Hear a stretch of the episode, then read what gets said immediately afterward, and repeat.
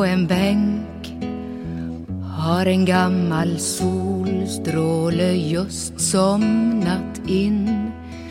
Vinden smeker hans kind som ingen har rört vid på länge, länge.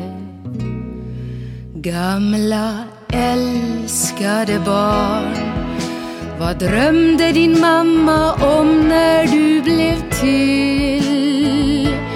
Gamla älskade barn, gamla älskade barn. Vilken dag upphör ett barn med att vara barn? Vilken dag slutar barnens vän att vara vän? Vilken dag mister en människa barnets rätt till trygghet och tröst och förlåt. Vilken dag betraktas man plötsligt som vuxen och stor och får själv ta hand om sin gråt. Där på en bänk har en försupen solstråle just somnat in. Vinden smeker hans kind som ingen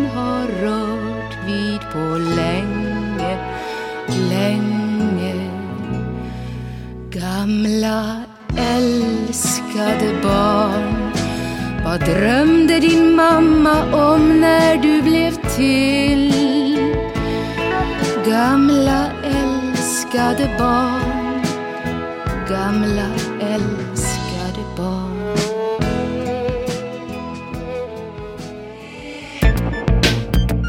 Psykoterapi, och adolescens. psykoanalys, Hälsotecken. terapier, Men adolescensen, ett sammanbrott i utvecklingen, eller hur? prata om Adolescensen. och psykiska problem som Donald W. Winnicott. psykoterapi. Eller hur? Denna väldigt snöiga måndag i december 2023 sitter vi här idag. Igen, Lena. Mm. Hej på För- dig. Och idag för att podda om empati. Men innan vi börjar så har ju du och jag någonting att berätta. Och det är ju faktiskt att det här blir sista gången som vi gör den här podden. Mm. Vi kommer att gå vidare och göra lite andra saker. Och vi vill passa på att tacka alla som har lyssnat och alla som har, har kommenterat och alla. Och vi vet att det finns många som har som har eh, lyssnat på, på alla våra avsnitt. Mm. Men så är det ju med allt roligt. Allting har ett slut. Och eh, så det, det är lite grand finale idag. Mm.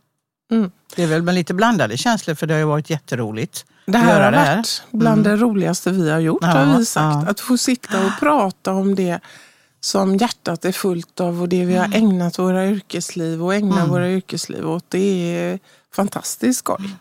Men vi kommer att gå vidare och göra lite andra saker. Vi får se vad det blir. Mm. Och det kan ju faktiskt hända att vi får feeling och går in och gör ett avsnitt. hända, det får vi se. Mm. Men det är ingenting vi bestämmer idag. Utan, Nej. Ja. Ja, Och vi håller väl vårt Instagramkonto öppet ett tag till och kanske ja, på något sätt eh, kommunicera där. Det vet vi inte riktigt Ja. heller. Men, mm. Och vi vill väl också pusha lite för vi jobbar ju på ett ställe som heter Göteborgs psykoterapiinstitut som ni alla vet. Och vi kommer faktiskt att ha ett 50-årsjubileum under 2024. Just det, ja. Så håll utkik eh, för saker och ting som kommer att äga rum här i Göteborg. Eh, på hemsida och på Facebook och, och så. Mm. Och som sagt, man kan gå in och lyssna på alla avsnitt igen också när det gäller Ja. podden. Mm. Ja, är det något mer att säga i ämnet om detta? Det känns lite sorgligt, Lena. ja, det gör det. Det är lite sorgligt. ja Men det är dags tror jag. Ja.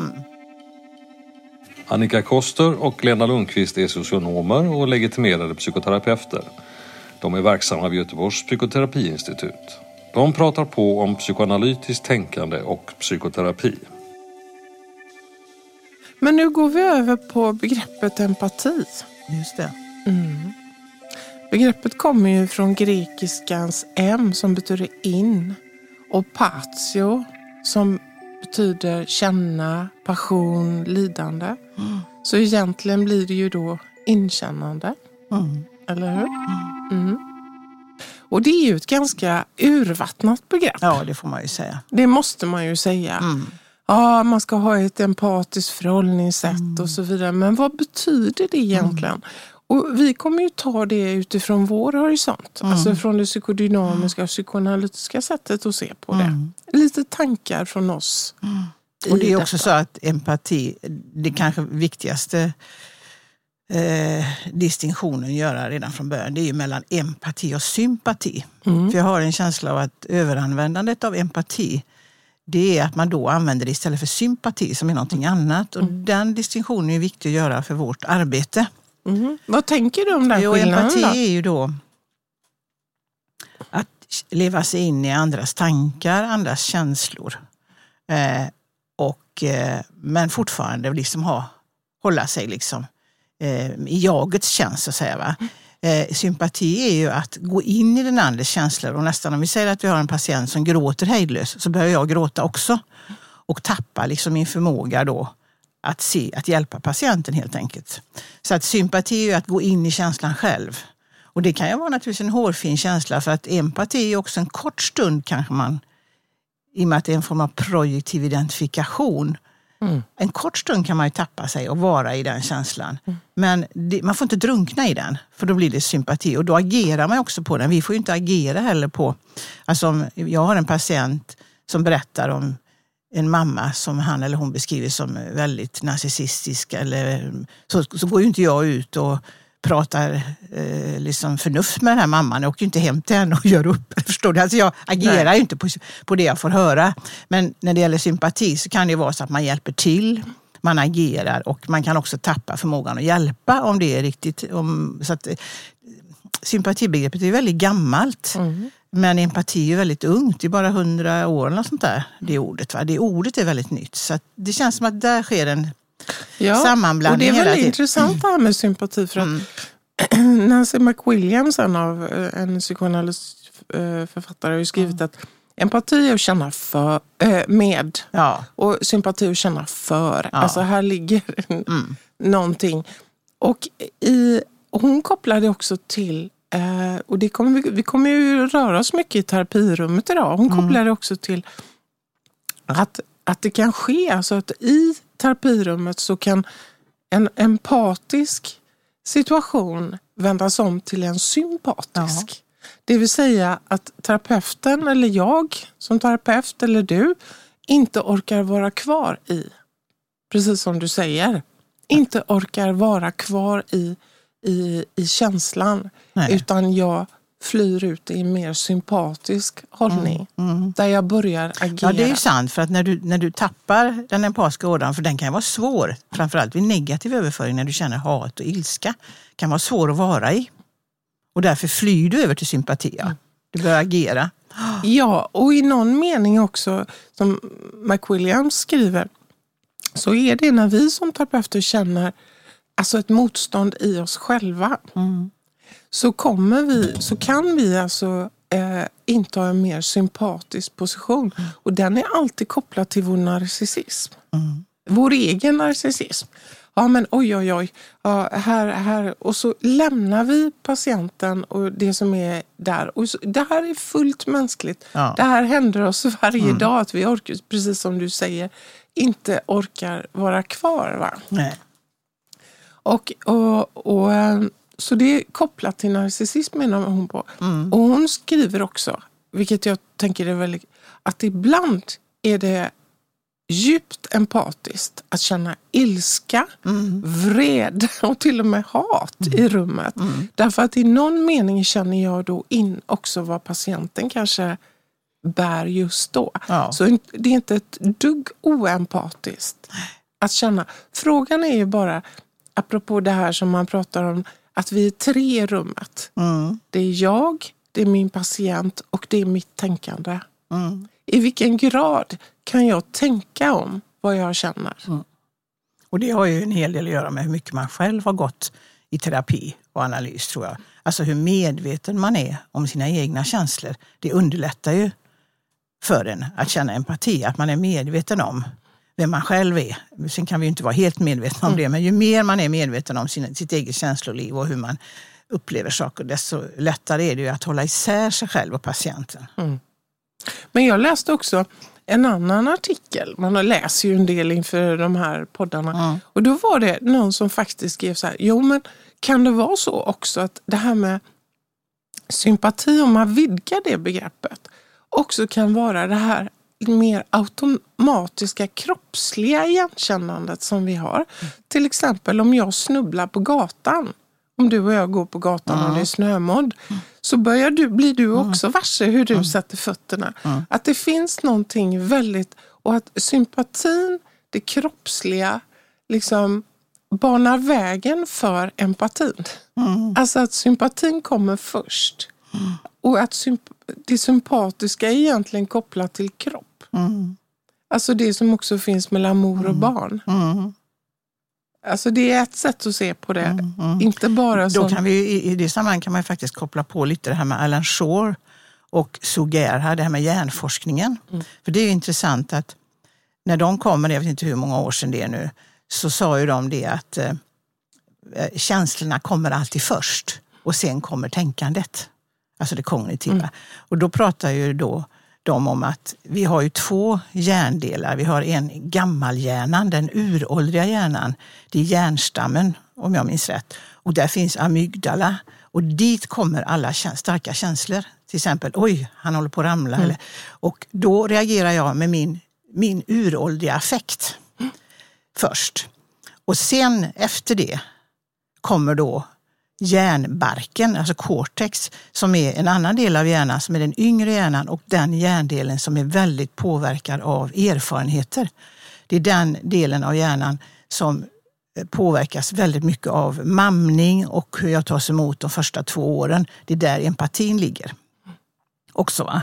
Eh, och den delen av hjärnan, den, den, när jag tar emot de här starka känslorna, då kan den här hjärnbarken, så att säga, om den är välutvecklad, om jag har fått en bra mamning, bra alfafunktion som jag pratat om bion från mamma, så kommer jag att helt plötsligt kunna tänka om min känsla. Så först blir jag rädd, kanske, av att ramla och sen börjar jag tänka, nej jag gör så här. Så här. Sen kommer mitt logiska tänkande in. Så att det rationella tänkandet kommer i steg två, så att säga. Det tycker jag är intressant. Vilket gör att där, för den, den hjärnforskningen, den kopplade ju framförallt Sogera väldigt mycket ihop med Winnicotts tänkande om good enough mothering, holding och även bion kan vi ta in med alfafunktion. Det kommer att påverka hur min, min empati utvecklas och min förmåga att tänka om mig själv, att härbärgera mig själv. Och den så att säga, skapas i första hand de första två levnadsåren. Kommer du ihåg när vi var på Tavistock, på den här barnutbildningen? Mm. Det var den första gången jag, det slog mig väldigt, jag blev väldigt starkt påverkad av det- där, den här nya hjärnforskningen. För då var det en man som, som eh, hade varit på något sånt där och han hade två röntgenbilder, kommer du ihåg det? Mm, Han hade det. två röntgenbilder som han visade på storskärm då, va? av två treåringar. Och den ena treåringen var då ett så att säga, normalutvecklat barn med good enough mothering och så vidare. Det man visste i alla fall. Och det andra barnet var ett gravt försummat barn. Och det barnet som var gravt försummat, det hade i den delen av hjärnbarken ett stort svart hål där. Och det andra barnet hade mängder av synapser och förgreningar. Och den här synapsbildningen då, den ligger där när vi föds enligt hjärnforskningen för att användas. Man säger use them och lose them. Eh, Men får man ett dålig start i livet, att yttervärlden inte kan ta hand om mig ordentligt, då blir det stora svarta hål där. Och då, blir det en, då får man ju en oförmåga till empati kanske, man får eh, ingen impulskontroll och så vidare. Va? Så det, det, det, men det intressanta är innan vi slutar med hjärnforskning, det är att den synapsbildningen kommer igång Ja. om man går i terapi har man Just sett det. till exempel, har man kunnat mäta att det sätts igång. Och naturligtvis om man placerar ett barn som är försummat i en, ett familjehem där anknytning sker så kommer det också komma igång. Va? Så det går ju att reparera till viss del. Men första två åren är ju viktiga då. Ja, och jag kommer också ihåg det att det, han, han pratade om det och det var väldigt hoppfullt att det Ja. här är också en mognadsfråga. Ja, Alltså för det är en omogen del av hjärnan. Mm. Hjärnan har inte liksom kunnat utvecklas Nej. som den ska eh, på det sättet och det är fullt, full, inte fullt men väldigt mycket av det är reparerbart. ja. Men du, tillbaka, jag, jag, vi, tillbaka till terapirummet då. Mm. Och det finns ju faktiskt, när vi nu är inne på det här, så finns det ju personer som har svårt att känna empati. Mm. Och det är ju... Du menar eh, terapeuter nu? Eh, Analytiker, terapeuter Nej, som ja, jobbar... nu, menar ja, det kan generellt? finnas absolut Generellt, okej. terapeuter. Mm, Vi pratar om den här Ja. narcissistiska delen hos eh, terapeuten som kan hindra Mm. empatin och som gör att det blir mer sympatiskt. Jag tänker, du vet den här Nalle Puh i i. Mm. kommer det ju en tiger till Nalle Puh och hans vänner. Mm. Och Tiger, han ställer sig framför spegeln och säger Åh, vilken fantastisk gestalt. Och det här kan ju faktiskt också äga rum i terapirummet. Alltså det vi kallar en narcissistisk drunkningsolycka i terapirummet. Att patient och terapeut smälter samman Mm. Speglar sig i varandra. speglar sig i varandra. Och i det så blir det inte möjligt att egentligen ha ett empatiskt förhållningssätt Nej. eftersom man är sammansmälta. Och det, det, är ju, det är ju väldigt tydligt. Och jag tänker också när man jobbar med om, det händer ju att man har stött på patienter som har en antisocial personlighetsstörning eller störning eller antisociala drag. Och där är ju också då empatin ett tecken på svaghet. Mm. Att känna empati är ett tecken på att man har blottar sig för svagheter och, och där överlevnaden mer står på spel. Och i ett sånt rum, när man jobbar med en sån patient, så är det ju direkt felaktigt att ösa på Mm. med för mycket empatiskt förhållningssätt eftersom det initialt i alla fall inte är det som patienten behöver utan mer fasta, tydliga, omutliga ramar. Mm. Men det är också en liksom, lite förvirring. Vad är empati? Empati är ju också att hålla ramen. Det beror på hur Ja. man tänker om det. Ja. Så att säga. Men eh, jag tänker om vi ska koppla på Freud som brukar göra, han måste ju få vara med nu sista gången. så är detta ett begrepp som inte man förknippar så mycket med Freuds, eh, det han har skrivit. Men jag läste en eh, artikel av en, eh, som skrevs på 90-talet av en man som hette Pig, Pigman. Först trodde jag att han hette Pigham. Och så tänkte jag så här, nej men Pigg, gris, ham, skinka. Det kan han ju inte heta, men han heter Pigman. Det var lite roligt det också, men inte lika roligt. Pigman skriver en artikel som heter Freud and the History of Empathy. Och där eh, beskriver han, på tyska heter det ju Einfühlung, ja, empati, inlevelse. Och det är ju det ordet Freud använder då, eftersom han skriver på tyska. Och eh, det är ju då ett, ett begrepp som från början betyder det att man lever sig in i naturen och så vidare, eller i döda ting. Alltså man besjälar naturen, man besjälar kanske ett konstverk, man känner att de känslorna som, som finns i konstverket är mina, eller man känner att trädet har samma känsla som jag och man tror till och med att man får tillbaka. Så att från början är det en, eh, är det en projicering som vi gör eh, mot yttervärlden och, mot, och vi, är- vi så att säga besjälar naturen kan man säga. Och sen så kommer det in en man som heter Lipp, Theodor Lipp, som Freud beundrar väldigt mycket, som för över det till psykologin. Och, det, och då betyder det att jag kan förstå att andra har ett jag. Jag kan förstå att andra har ett psykiskt liv. Eh, och det är på det sättet Freud använder det. Men, eh, och den här eh, Pigman då, han menar ju att Freud implicit hela tiden har med det här med empati och inte sympati. Därför att han menar ju att för att kunna tolka eller tänka något så måste du ha skapat, som vi säger idag, en allians med patienten. Och det gör man ju genom empati. Så att han, men sen använder han ju det då kanske han räknar upp ett antal gånger i olika skrifter, men då är det felöversatt enligt den här Pigman. av standard edition till Mm. engelskan. Så att empati, som det skulle stå, då står det någonting annat. Det står kanske sympatisk förståelse och sådana olika begrepp. Så att det har blivit en förvirring kring det de gånger han använder det. Men han menar ju att det är självklart för Freud att detta är en, även om inte han använder det, att Einfühlung är nödvändigt för att kunna göra ett bra arbete och för att kunna hjälpa patienten helt enkelt. Och han har ju en sån här bild, du vet den här med telefonen, Mm. Mm. där man ska, vad är det han säger, man ska, terapeuten ska ställa sitt omedvetna till patientens omedvetna. Som en hörtelefon eller något. Som om han är en telefon så han blir uppringd på något sätt och så går det signaler. Det är ju den här eh, bilden han använder då och den förutsätter ju också självklart empati. Han bör använda sitt omedvetna som ett mottagande organ mot patientens omedvetna.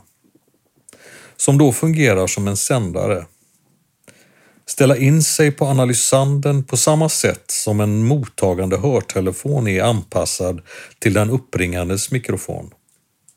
Så som telefonen åter förvandlar ljudvågorna de elektriska svängningarna på linjen som satts igång av ljudvågor kan läkarens omedvetna utifrån de derivat från patientens omedvetna som nått honom rekonstruera detta omedvetna som har bestämt patientens infall.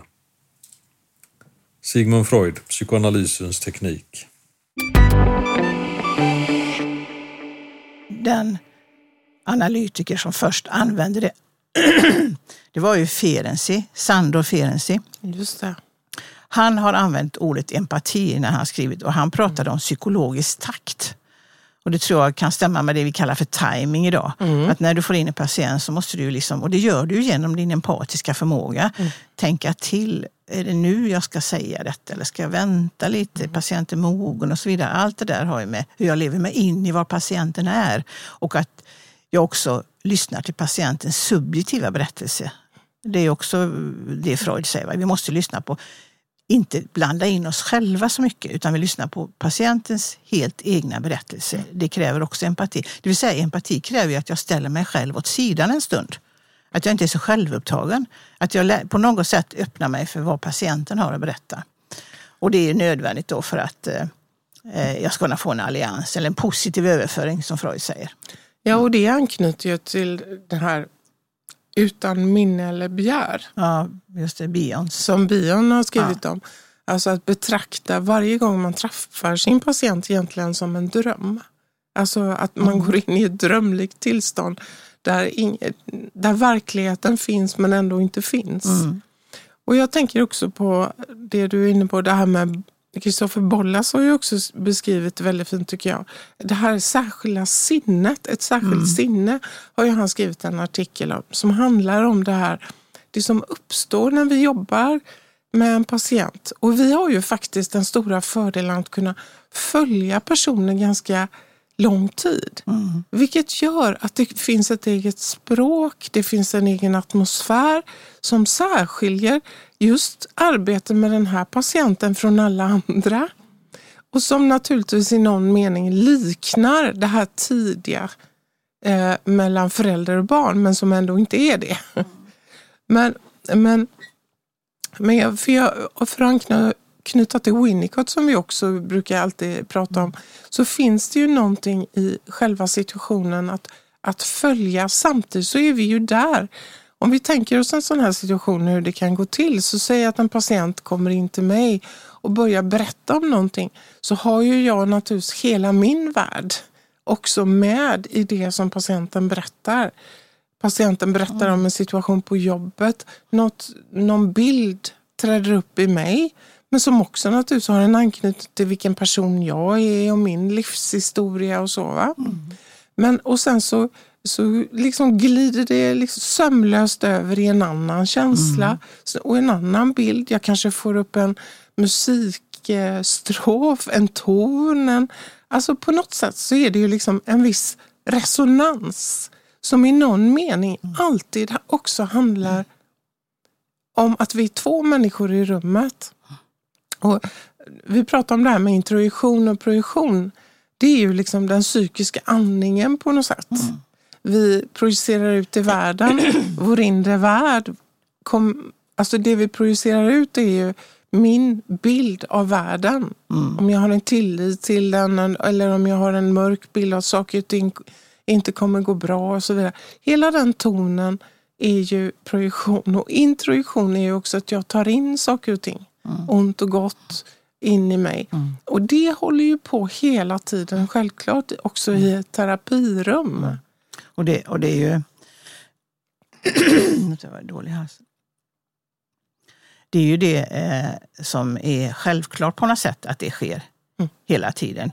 Men eh, jag läste någon, jag tror det var hon Lotta Landerholm, som skrev om att man måste förstå som terapeut att det är både en symmetrisk och en asymmetrisk relation. Att det är det här symmetriska, att vi är två människor med två omedvetna och det rör sig så här fram och tillbaka hela tiden. Och det jag fäster mig vid hos en patient, det är, varje par är unikt. Va? Varje par patientterapeut, patient-terapeut är helt unikt. Va? För att den här patienten väcker det och någon annan väcker något annat. och Så vidare.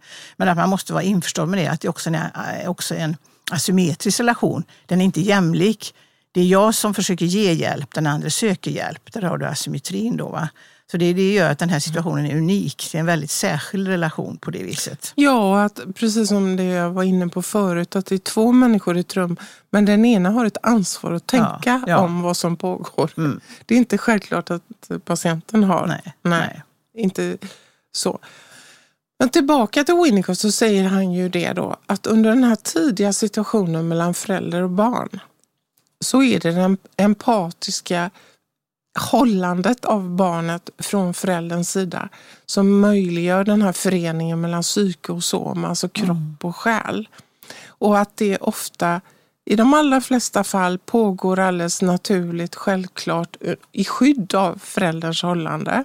Och att föräldern på något sätt förstår eh, och eh, sitt barn utan att barnet behöver förstå sig självt överhuvudtaget. Ja, eller som de sa i hjärnforskning då, att föräld, föräldern måste vara en ställföreträdande hjärnbark i början Ja. av livet innan barnet får byggt upp sin egen hjärnbark. Och det är precis samma som Winnicott eller Bion. Alfafunktion, moderns alfafunktion gör att barnet så småningom kan tänka Ja. om sig själv och härbärgera sig själv. Ja. Men att i början av livet så måste föräldern vara, en, en, så säga, vara där, för barnet har inte förmågan då. Nej. Men är det så att det är för mycket haltande otakt i det här från början så är det ju så att barnet tvingas till försvar och också tvingas till sitt förstånd snarare än, än, än det här med föreningen kropp och själ. Mm. Alltså att barnet tvingas reagera på invadera, alltså en, en, hur ska man säga det här? Men det här har vi varit inne på många gånger. Winnicotts Men det här, impingement. ja, det här ängsliga invaderandet kanske från förälderns sida eller av olika skäl. Det gör att barnet tvingas försvara sig och den här föreningen mellan kropp och själ blir lidande på det. Och, ba- och det blir, barnet tvingas fly till sitt huvud faktiskt. Mm. Och det har ju också Bion en väldigt bra bild för. Det här att när det är för mycket negativt så, blir det, så skjuter barnet upp för mycket i huvudet och då blir man vad jag brukar säga en huvudfoting Ja. som inte har kontakt med sin kropp utan man är ett huvud och kan vara väldigt eh, hö, högtstående intellektuellt och så men man har inte kontakt med sin kropp. Ja. Så det är den här föreningen som du säger, eller den här kontaktbarriären som också Bion pratar om mellan medvetet och omedvetet som är så viktig. Den här rörelsen som skapas i början av livet. Men jag tänkte på en annan sak, som, apropå Bolla som du sa, att han säger också att, att, eh, att det här med att, att man så att säga, terapi handlar väldigt mycket om att man ska bli mer medveten om sina omedvetna delar. Man blir inte helt, man blir aldrig fullt klar med sig själv. Man kanske blir lite mer medveten om hur man är och hur man funkar och då blir livet lättare att leva. Det brukar vi säga är en grundtanke om terapi. Man kanske inte blir lyckligare men man blir lite lugnare för man vet att det här kan jag förklara. Jag kan förklara mig i mina men då lägger Bollas till en del till. Jag tror, han tror också det att det är viktigt när man går i terapi så kan man bli bättre på sin empatiska intuition. Därför om man blir empatiskt mottagande i terapirummet så kommer det, precis som ett barn, så kommer det att göra att min empati växer. Så att man kan tänka sig att om man går mycket i terapi så blir man också mer empatisk. Man förstår andra människor bättre. Man läser av andra människor bättre. Man får en empatisk intuition eller vad man ska kalla det för. Som utvecklas. Så det är också en följd av att gå i terapi tror jag. Vilket också gör att det blir lättare att leva. För jag menar, vad är empati egentligen? Det var som någon sa, en arbetsplats där det är mycket, många empatiska människor blir en bättre arbetsplats. Mm. Alltså det är ett socialt kitt. Mm. Alltså, om, alla människor skulle sakna empati, då skulle vi leva i en livsfarlig värld. Och det gör vi ju i och för sig på ett sätt. Mm. Men, men empati är ju väldigt viktigt för flocken. Mm. Att vi kan leva oss in i varandras känslor och att vi till och med, vet du, så kan man ju då i terapirummet men även i privatlivet ibland känna det den andra inte känner eller inte har kontakt med. Jag kan ju i min motöverföring, det är det som är emot, känna av en patients ilska till exempel, eller en annan människas ilska, fast den person, personen själv inte har någon kontakt med den känslan. Och det är ju ett jätteintressant fenomen. Ja, och på det sättet så är ju, och det är ju det vi säger att, att det, och jag tänker på hela den här långa, alla poddar vi har gjort, att på något sätt så är det ju att vi vill verkligen berätta att arbetet med det omedvetna ja. är så centralt. Mm.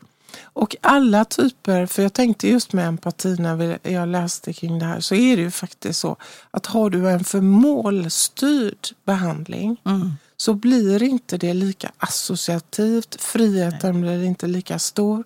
Och det betyder att det är också svårare att jobba med mm. empati. Mm. Därför att det bygger på en kroppslig akt, en, mm. en att föreställa sig vad som pågår i den andra. Mm. Och är man så som behandlare eller som terapeut alldeles för upptagen av det man ska göra själv och komma fram i mål eller en behandlingsplan eller så, då kommer, då kommer det att drabba också det, den mm. empatiska delen. Men jag, jag, jag, för jag det var ju det jag menade med att ramen räcker ju. Alltså vårt ja. förhållningssätt är ju, grundlägger ju empatin automatiskt så att säga. Ja. Mm. Och jag tänkte, jag läste en väldigt, jag tror det var han den här Robert Flies redan 42, jag läste någon, någon, någonstans om det, kring det här med empati. Att också, det som är viktigt då, apropå att inte bli, vi inte blir sammansmälta med patienten i rummet, den här drunkningsolyckan mm. som vi pratar om. Så jag tyckte det var en väldigt fin bild, men han beskrev det som att på något sätt när vi sitter med en patient så smakar vi hela mm. tiden på kvaliteten i vad är det som åker runt i rummet som mm. du precis sa Lena, det här med ilska. Och vad, vad är det jag får i mig? Hur känner jag mig här? Mm. Vad händer? Ungefär som när man brygger te och så smakar man på teet. Mm. Och man tar in, man sväljer också ner. Mm. Men, och det får liksom vara i min eh, psyk, vad ska man säga, min mag-tarmkanal någon slags arbetsmetabolism mm. så att jag smälter ner det jag får i mig. Men jag tar inte, jag dricker inte upp allt i en enda klunk och sväljer ner. Nej. Eller hur? Utan jag smakar av och tänk, försöker tänka om när jag kan tänka om. Mm. Vad är det som åker Jag tyckte det var en väldigt bra bild. Att det gäller att inte dricka hela koppen nej, rakt av. För, för då är risken att jag och det händer ju också hela tiden att vi förlorar oss själva i mm. rummet ibland. Det, det hör också till arbetet. det är ju det, säger också Freud någonstans, eh, faktiskt det här med att för att liksom, eh, klara av den här, det här förhållningssättet på patienten så behöver vi underkasta oss en psykologisk eller psykoanalytisk rening själva. Alltså vi behöver gå i terapi mycket själva. Mm. Och det, att man alltid har vissa blinda fläckar, så att säga, är ju hans begrepp. Va? som gör att med vissa patienter kan man nog drunkna en stund. Mm. Och det är mänskligt och det är det vi gör. Liksom. Det kanske gäller att se att nu kanske jag ska ta handledning, nu kanske jag ska jobba med mig mm. själv. Det gäller att se skillnaden bara kanske när jag lämnar rummet. Var detta en motöverföring som jag kan tänka kring? Eller har, är jag inne i någonting nu? Och det är väl det som är svårt, att lära sig då att nu behöver jag handledning. Nu behöver jag ta hjälp. Mm. Eller nu kan jag tänka själv. För det är ju det, hela tiden är det ju jättestarka känslor i omlopp. Men, och där är det ju så, om man nu ska vara lite så, men alltså, det är ju faktiskt så att man på en del terapiutbildningar idag tar bort kravet på att man ska gå i en egen ja, det, terapi. Det och man kan ju bara fundera på vad det gör för arbetet med patienter.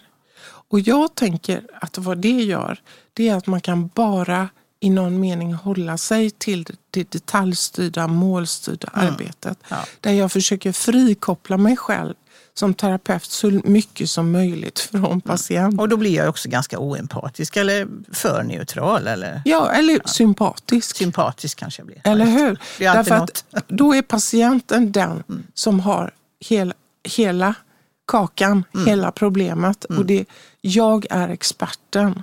Och det är ett förhållningssätt som vi inte alls Nej. sympatiserar med, för att använda ett, ett Men du, jag tänkte på en annan, något intressant att prata om också. Det är ju hur vi, om, vi, om vi utgår nu från att så som vi jobbar så, så, så har, går man mycket i egen terapi och, man, och utbildning kanske av viss, viss Och handledningen. Ja, men frågan är om man kan lära sig, ja det är en annan fråga kanske, kan man lära sig empati på det sättet? Men om vi säger att vi har en empatisk, eh, ett, det är ett av våra verktyg om man säger så, för att komma vidare och förstå vad som Så är det ju frågan om hur man jobbar då, det är lite intressant tycker jag. Hur många sessioner kan man ha i veckan? Hur många patienter kan man ha i veckan? För om en patient går flera gånger så kanske man räknar på ett annat sätt. Hur, det vet jag vi pratar ibland på jobbet om. Hur många processer kan man, en terapeut ha i sig samtidigt? Så det, det är ju ingen som har svar på detta. Men det är en intressant fråga. Hur jobbar jag på det sättet? Hur tar jag ledigt? Hur vilar jag mig emellan? Hur hanterar jag eh, Eh, jobbar jag ensam på en mottagning till exempel? Är det, är det, eller jobbar jag i grupp? Kan jag använda mig av kamrathandledning? Allt det här har ju betydelse. Kanske till och med vilka patienter jag tar emot kan ha betydelse. Mm. Jag minns eh, en, eh, för många år sedan, jag hade någon dag i veckan, jag hade flera det råkade bli så att jag hade tre eller fyra patienter kanske på raken som hade väldigt melankolisk grundton. Och då blev ju det väldigt tungt för mig, för det blev kanske lite för mycket då på Ja. raken här. Ja. Att ta in, för att det är melankoliska grundstämningar, det är starka eh, ned, ned, nedstämda tillstånd. Och det, det, det vet jag, jag tänkte då, att det här, men det är inte så lätt påverka det. Men så kan det vara, att jag kanske tar, får referenser från ett visst håll så att jag har en viss typ av patient. Mycket sånt är väldigt intressant att prata om, även om inte det finns så många svar kanske. Nej, men det är viktigt att hålla det levande. Ja, jag tror det. Men jag tror ju att det jag säger, att när man tar bort egen terapi och, och det vi pratar om, man kommer att jobb, arbeta framöver. Alltså, och, och jag tror att det, är en, alltså i olika, det finns ju olika terapiinriktningar. Men jag tror att jobbar man inte i det omedvetna och med sig själv som ett subjekt i rummet så att säga så kommer det att innebära att man är hänvisad mer till det sympatiska sättet att Ja, jobba. absolut. Mer i en positiv överföring. Och det här känner jag igen från också när man var ny och oerfaren. Att min tendens när jag kom till korta själv så kanske man öste på med mer sympati än än att kunna vara i de här fälten av hur påverkar det här mig? Och, och det, det är svårt. Ja, det är ju som att man säljer in sig själv och jag tänker att det är en kund man har och man ska sälja in sin vara. Ja. Det är större risk i början av en karriär att man gör det. Va? Att man ska bli omtyckt, att någon ska vilja komma tillbaka. Absolut. Men det är det är inte så man löser det. Nej. Tvärtom. Nej. Men, men eh, och, och här kommer vi in på ett annat fält för vi handleder ju mycket också. Och vi, man möter ju idag både inom skola, socialtjänst och så människor som är enormt empatitrötta. Mm. Och jag tänker också att det är ju det, det är, ju- där har ju vi en enorm fördel av att jobba längre med en process med patienter. Men man kan ju tänka själv när man jobbar inom socialtjänsten och, eller inom skola och möter arga, ledsna, besvikna föräldrar eller och sådär. Att ta emot den här ilskan varje dag eh, på olika sätt och på no, inte ha en process att placera det i. Att, att kunna arbeta med det på det sättet. Utan du är, och man kanske, det väcks jättemycket ilska inom en själv. Och det finns ingenstans att göra av det. Nej. Det är enormt belastande. Eller du tar åldringsvården eller hemtjänsten när du ska klocka dig själv och springa tio minuter dit, tio minuter dit. Vad gör det med empatin hos människor som kanske har en jättefin empatisk hållning men de kan inte använda den?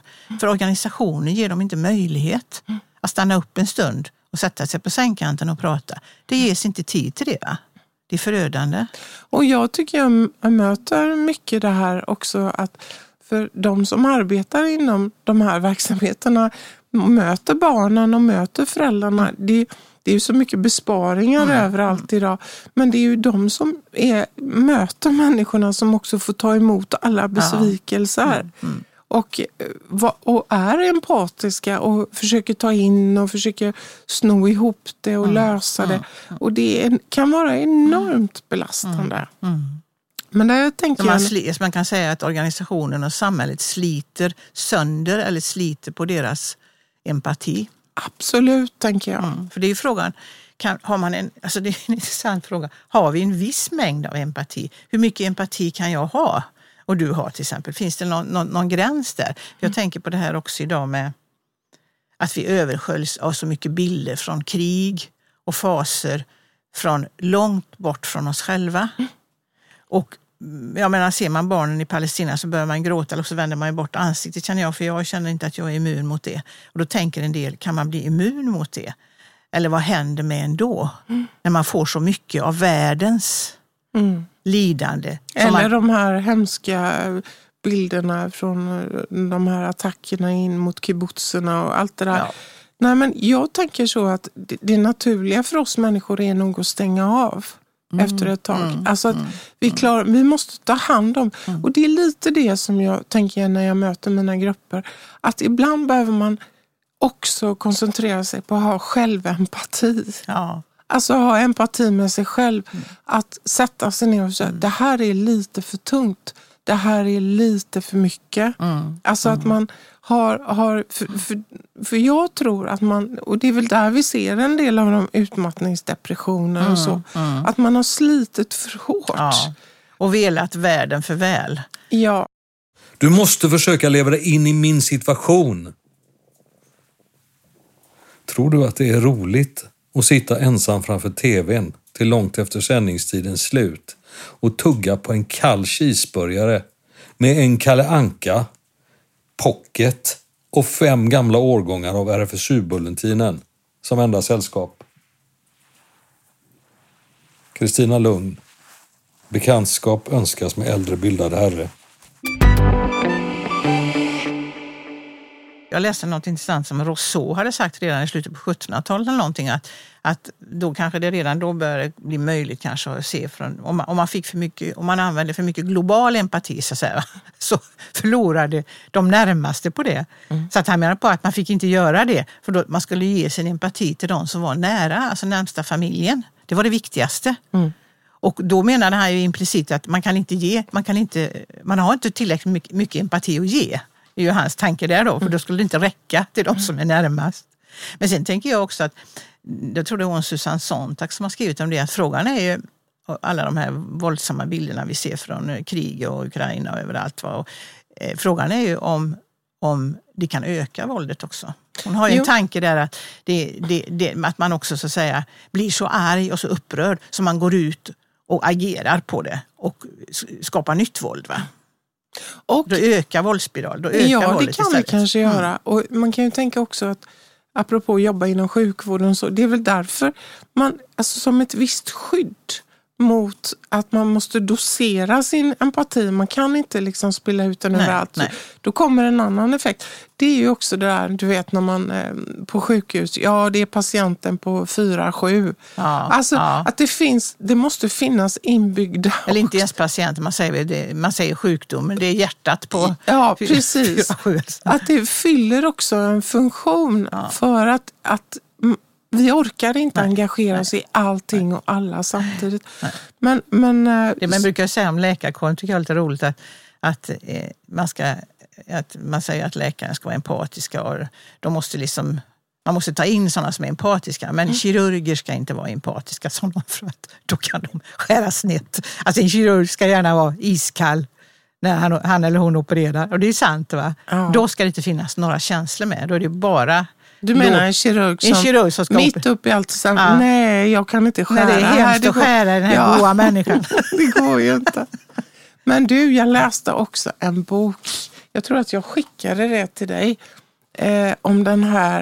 Eh, det finns en bok skriven av Frida Isberg som har kommit. Det har jag hört talas om. Ja. Ja. Ja, som heter Märket. Mm. Som handlar om en, eh, ett samhälle där, man, där det här, den empatiska förmågan blir ett instrument att polarisera emellan de människor som har empati och de som inte har empati. Så i det här samhället, det, var- eh, alltså, det är någon slags dystopi faktiskt. mm. Där man bestämmer sig för att nu ska vi eh, testa alla människor. Och så ska de få, få liksom se människor som lider och så får vi se de- vilken tårproduktion de har. Ja, ja. Och beroende på det så, så bedömer vi då att jaha, gråter du eller får tårar i ögonen, då har du empati. Mm. Då får du bo på ett ställe i samhället och där finns alla fördelar. Du får jobb och utbildning och Ja. allt sånt där. Men de oempatiska, de placerar vi på en annan del. Vad gör vi med dem då? Nej, men de får sämre möjlighet, tillgång till allting så att säga. Va? Och det tyckte jag var väldigt intressant det här att empatin liksom blir ett instrument att bestämma vem som är, får vara med i samhället eller inte. Men jag läste något annat, det här med homo empathicus och homo economicus eller något sånt där vad jag läste. Ja. Det är att för att vi ska, alltså beroende på hur det ser ut i världen och för att vi ska kunna behålla den liberala demokratin, demokratin så måste empati bli ett instrument i samhällsbygget. Annars, för det här homo economicus, eller vad det heter, det är bara strikt pengar, alltså köpa, sälj, vinster, va? ingenting annat. Jag vet inte vem det var som skrev det, men det är ungefär något likadant. Där, att, att då måste samhället gå in och styra så att empatin växer, så att säga. Va? Eller empati, det finns fler som har det. Om vi ska få ett rättvisare, socialt bättre samhälle. Eller, eller kunna be, bevara demokratin överhuvudtaget. Och vi människor är ju flockmänniskor så ofta finns ju empatin inom den egna lilla gruppen. Du pratar om, om familjen eller flocken eller grannskapet eller vi som är lite lika. Ja. Men det svåra är ju att se till det är ju det som är själva samhällsbygget. Det är att se till att vi också, och jag tror, jag vill tro till och med att det var Håkan Juholt som hade ett tal om det här. Var är han nu förresten? Ja. Men han hade ett tal i Almedalen som jag kommer ihåg att jag lyssnade till och tyckte Ja. var så bra. För han sa, ett gott samhälle innebär att människor kan hysa empati med de som sitter på äldreboendet trots att man själv inte är gammal. Mm. Eller med den som är fattig trots att jag själv inte är fattig. Och jag tycker att det är en bra Mm. Ja, bild ja, av ett empatiskt samhälle. Att jag kan också hysa en, en förståelse och en, en medkänsla, eller in, känna in de grupper som inte är som jag.